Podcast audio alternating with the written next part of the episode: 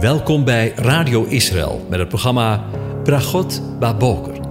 Een kort ochtendprogramma waarin een gedeelte uit de Bijbel wordt gelezen en besproken. Met Bragot Baboker wensen onze luisteraars zegeningen in de ochtend. Presentator is Kees van de Vlist.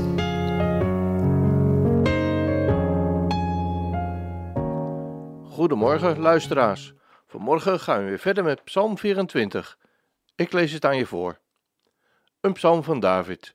De aarde is van de Heere en al wat zij bevat, de wereld en wie erin wonen. Want hij heeft haar gegrondvest op de zeeën en haar vastgezet op de rivieren. Wie zal de berg van de Heere beklimmen? Wie zal staan op zijn heilige plaats? Wie rein is van handen en zuiver van hart. Wie zijn ziel niet opheft tot wat vals is en niet bedriegelijk zweert. Hij zal zegen ontvangen aan de, van de Heere en gerechtigheid van de God van zijn heil. Dat is het geslacht van die naar hem vragen, die uw aangezicht zoeken. Dat is Jacob. Hef uw hoofden op, o poorten, en verhef u, eeuwige deuren, opdat de koning der ere binnengaat. Wie is deze koning der ere? De Heere, sterk en geweldig. De Heere, geweldig in de strijd. Hef uw hoofden op, o poorten, ja, verhef ze, eeuwige deuren, opdat de koning der ere binnengaat. Wie is hij, deze koning der ere? De Heere van de legermachten. Hij is de koning der ere. Tot zover. Over zijn intocht gesproken. Tja, dat zal wat zijn wanneer de Heere, de koning van Israël, de grote vredevorst, zijn intocht zal hebben in Jeruzalem, in deze wereld. Het is haast niet te geloven dat de woorden die we zojuist gelezen hebben, werkelijkheid zullen zijn. Deze psalm verwijst naar de tweede keer dat Jezus door de poorten van Jeruzalem zal komen. In de Hebreeuwse poëzie wordt herhaling gebruikt om iets te benadrukken.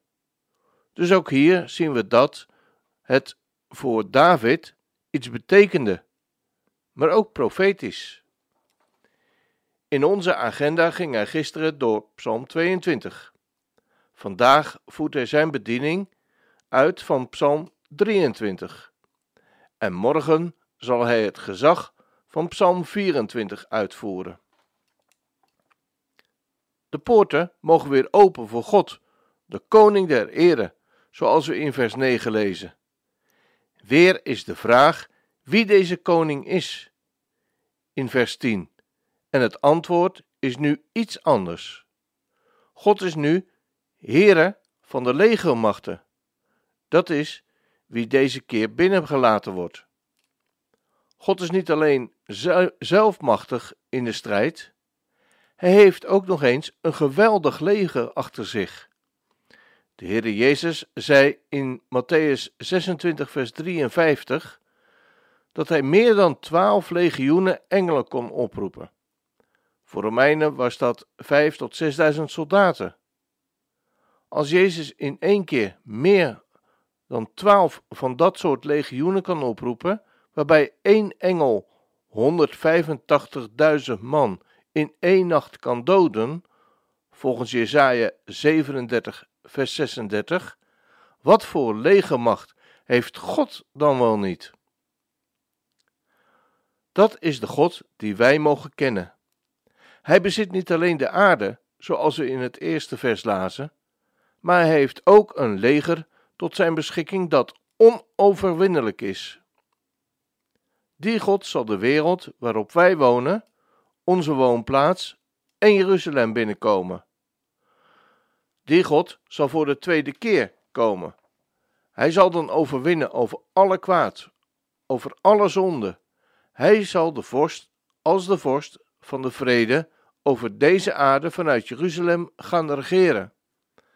Zoals koning Salomo over Israël als een voorafschaduwing in zijn tijd. Wil je weten hoe dat zal gaan? De Heere maakt daar geen geheim van. Hij laat ons daarover niet in het ongewisse. In het boek Openbaring wordt het allemaal openbaar gemaakt, onthuld. Bij de opening van bijvoorbeeld een nieuw gebouw wordt bijvoorbeeld wel eens een naam of een beeltenis als officiële handeling onthuld. Als een plechtig moment.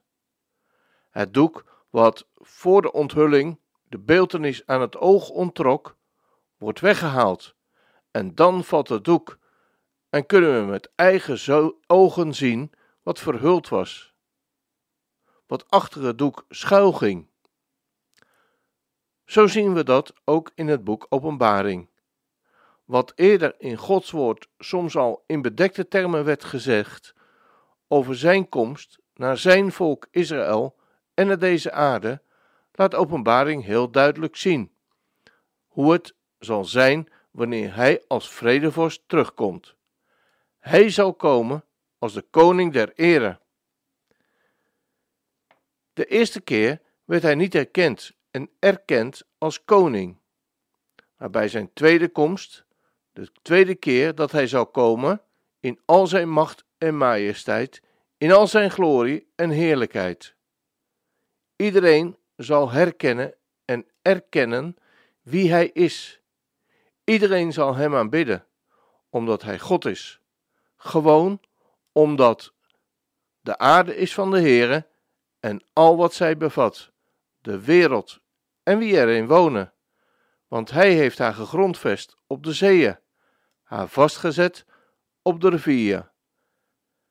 Hij komt notabene naar zijn rechtmatig eigendom.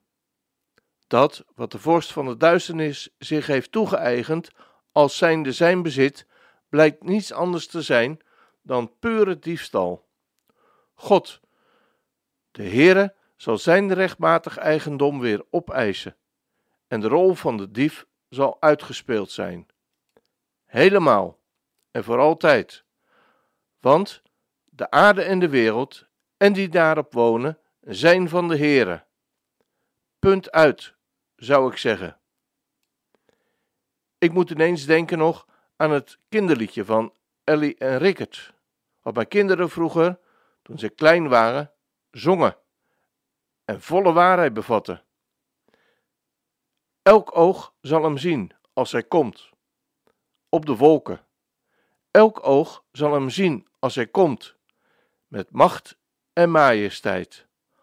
Halleluja, zing de Heere een nieuw lied, want hij is bij ons. Hij is bij ons. Halleluja, zingt de Heere een nieuw lied. Hij is bij ons voor altijd. Hij brengt al zijn kinderen thuis. Op de wolken, op de wolken. Hij brengt zijn kinderen thuis, in het huis van heerlijkheid. Halleluja, zingt de Heer een nieuw lied. Hij is bij ons. Hij is bij ons. Halleluja, zingt de Heer een nieuw lied. Hij is bij ons voor altijd. Tja, uit de mond van de kinderen heeft God zijn lof bereid. Als dat geen zegen is, ik wens je een van God gezegende dag toe.